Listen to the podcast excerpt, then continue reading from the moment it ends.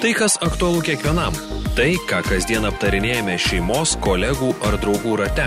Naujausios žinios ir aktualiausi pokalbiai tiesioginėje laidoje Delfi diena su manimi Arnu Maziečiu. Lietuvoje net 56 procentai žmonių miršta dėl kraujotokos sistemos lygų. Šis skaičius yra pusantro karto didesnis nei ES vidurkis. Kodėl Lietuvoje nepavyksta suvaldyti širdies ir kraujagyslių lygų epidemijos ir kiek prie to prisideda pacientų savygyda bei paplitę mitai apie kraujotokos sistemos lygomis gydyti skirtus vaistus. Savygyda kardiologijoje - klaidos, kurias daro įvairiomis širdies ir kraujagyslių lygomis sergantis pacientai, kuomet patys keičia gydytojo paskirimus ir apie tų paskirimų kainą mūsų šiandienos pokalbio tema, o čia studijoje du svečiai. Tai Santoros klinikų kardiologas Justas Simonavičius, labadiena, ir Kauno klinikų gydytojas, klinikinis farmakologas Vaidotas Gala, Galaunė. Sveiki. Uh, Vaidotai, pradėkime nuo paties. Uh, apskritai, kas yra savygyda? Na, savygyda toks ganėtinai platus terminas, tai čia apimtų tiek tos atvejus, kai pacientai ir patys diagnozuoja lygą savo ir pasiskiria savo gydimą. Taip pat savygyda būtų... Populiaria, populiariausia matyti yra Google pagalba. Nu, arba su Google pagalba jo, gali būti ir taip. Arba tiesiog, pavyzdžiui, pacientas kreipiasi į daktarą, jis paskiria, tarkim, gydymą, diagnozuoja lygą, bet dėl vienokio ar kitokio priežasčių pacientas nusprendžia, kad tų vaistų nevartos ar vartos kitokiam dozėm, darys kažkokius na, intervalus, kažkokius ne- neteisingus. Tai vadinama e, nebendradarbiavimu paciento. Bet kokius jūs argumentus girdite iš pacientų, kodėl jie taip nusprendžia padaryti?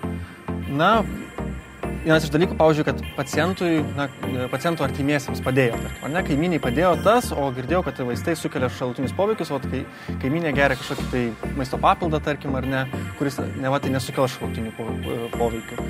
Arba, na, aplamai toks nepasitikėjimas mokslo ir medicinos mokslo Lietuvoje yra ganėtinai gajus ir manau, tai yra tokia kaip pagrindinė priežastis. Pone Simonavičiu, a, iš tiesų, ar pacientų nebendrabe, nebendradarbiavimas yra dažna problema? Na, e, turiu pripažinti, kad Lietuvoje mes neturim didelės apimties tyrimų, kuriuose būtų tirtas šitas reiškinys ir kiek pacientai sergantis širdies ir kraujagyslių lygomis e, nebendradarbiauja arba užsima savygydą.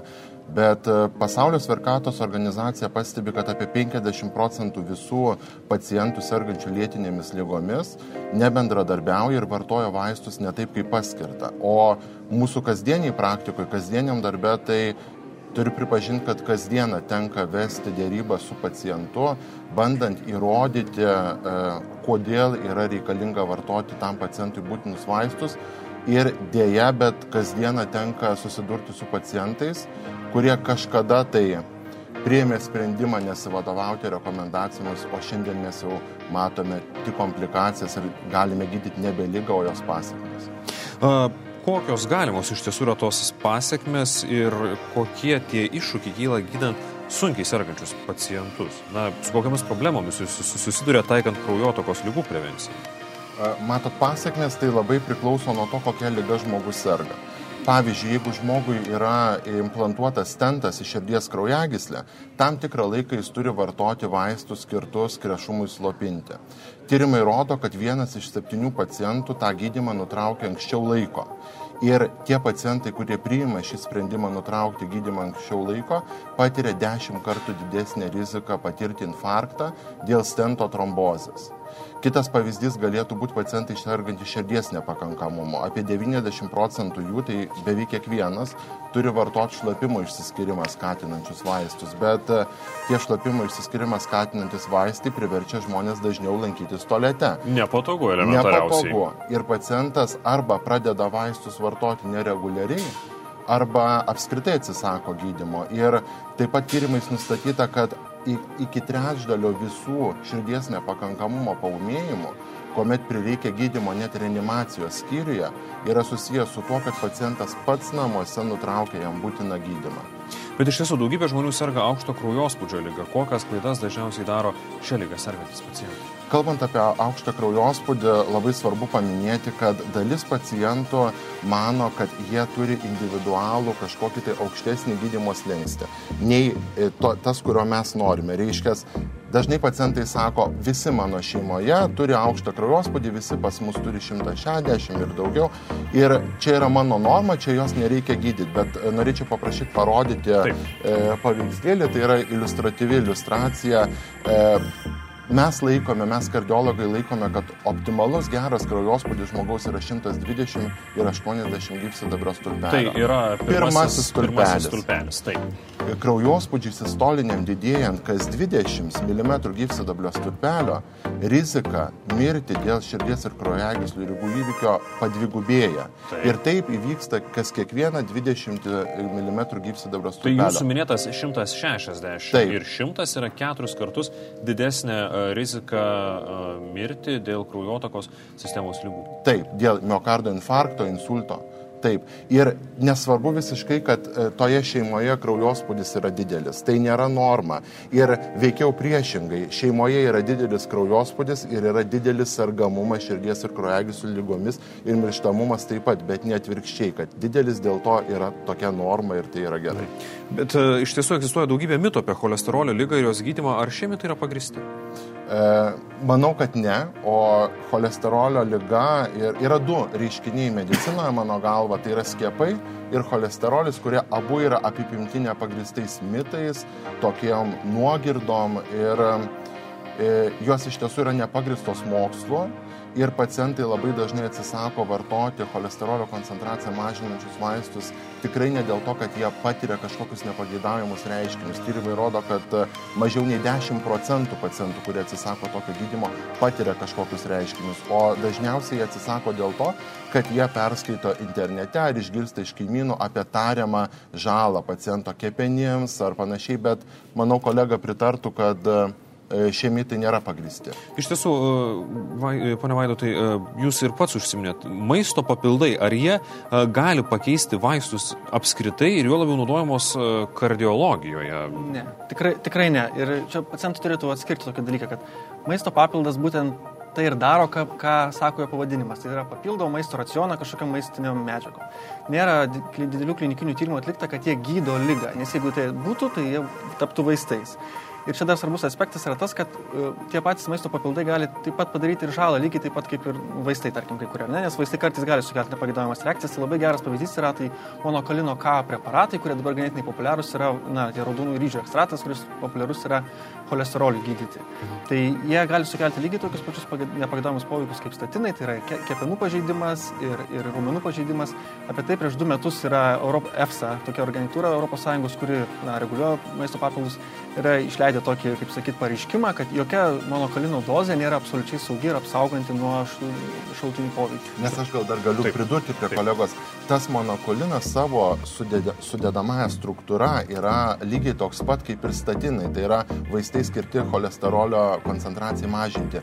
Tačiau, kadangi jas verbališkai skamba patraukliau pacientui, kad tai yra raudonosiom mėlėm fermentuotų ryžių ekstraktas, žmogus nori jį vartoja, nors iš tiesų gauna e, tiesiog sufermentuotą statiną labai maža doze.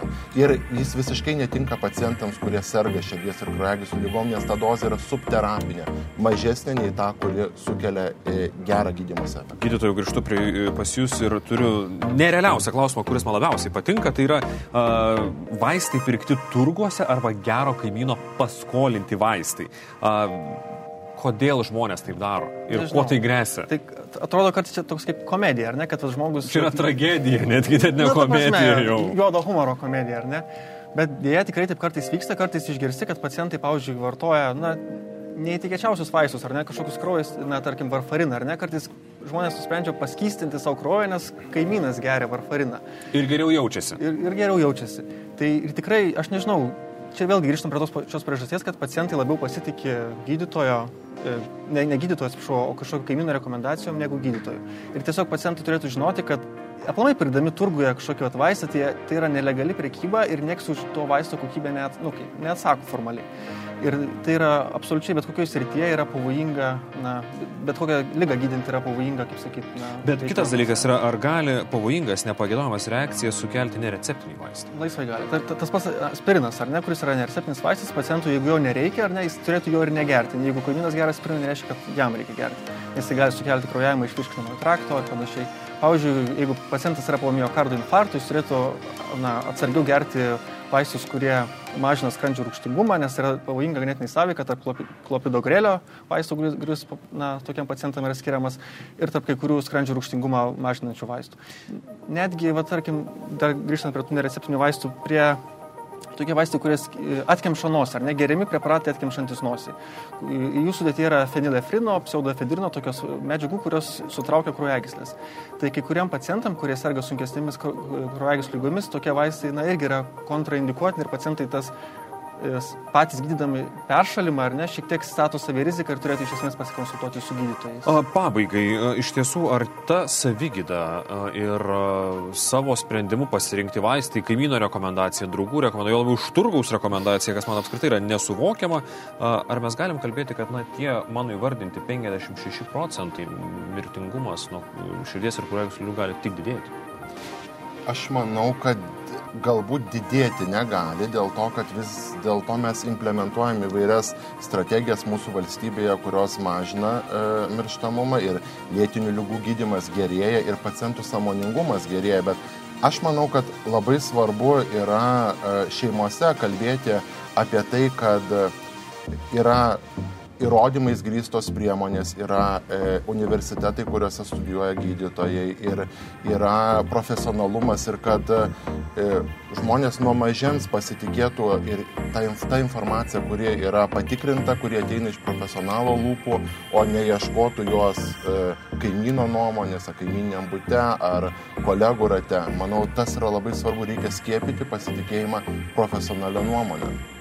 Pirmiausia, tai ką daryti, kad Lietuvoje mes pagerintume iš tiesų pacientų ir medikų bendradarbiavimą ir sumažintume? Ir ar tai padėtų sumažinti mirštingumo rodiklius? Be abejo, padėtų. Tiesiog pacientai turėtų suprasti, kad gydytojas ir pacientas yra komanda, kuri turi skirtingas užduotis.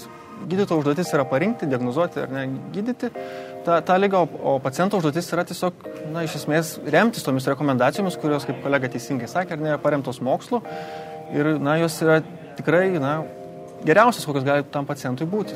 Prisidedame ir mes prie patarimų. Ačiū, kad atvykot pas mus į laidą ir skleidžiate žinę. Iš tiesų neužsimkim savygydą, pasitikėkime medikais ir būkite kartu, po trumpos pertraukėlės grįšim ir pasikalbėsim apie artimiausių dienų orus. Galbūt sulauksime už žiemos? Klausyk, Delfė.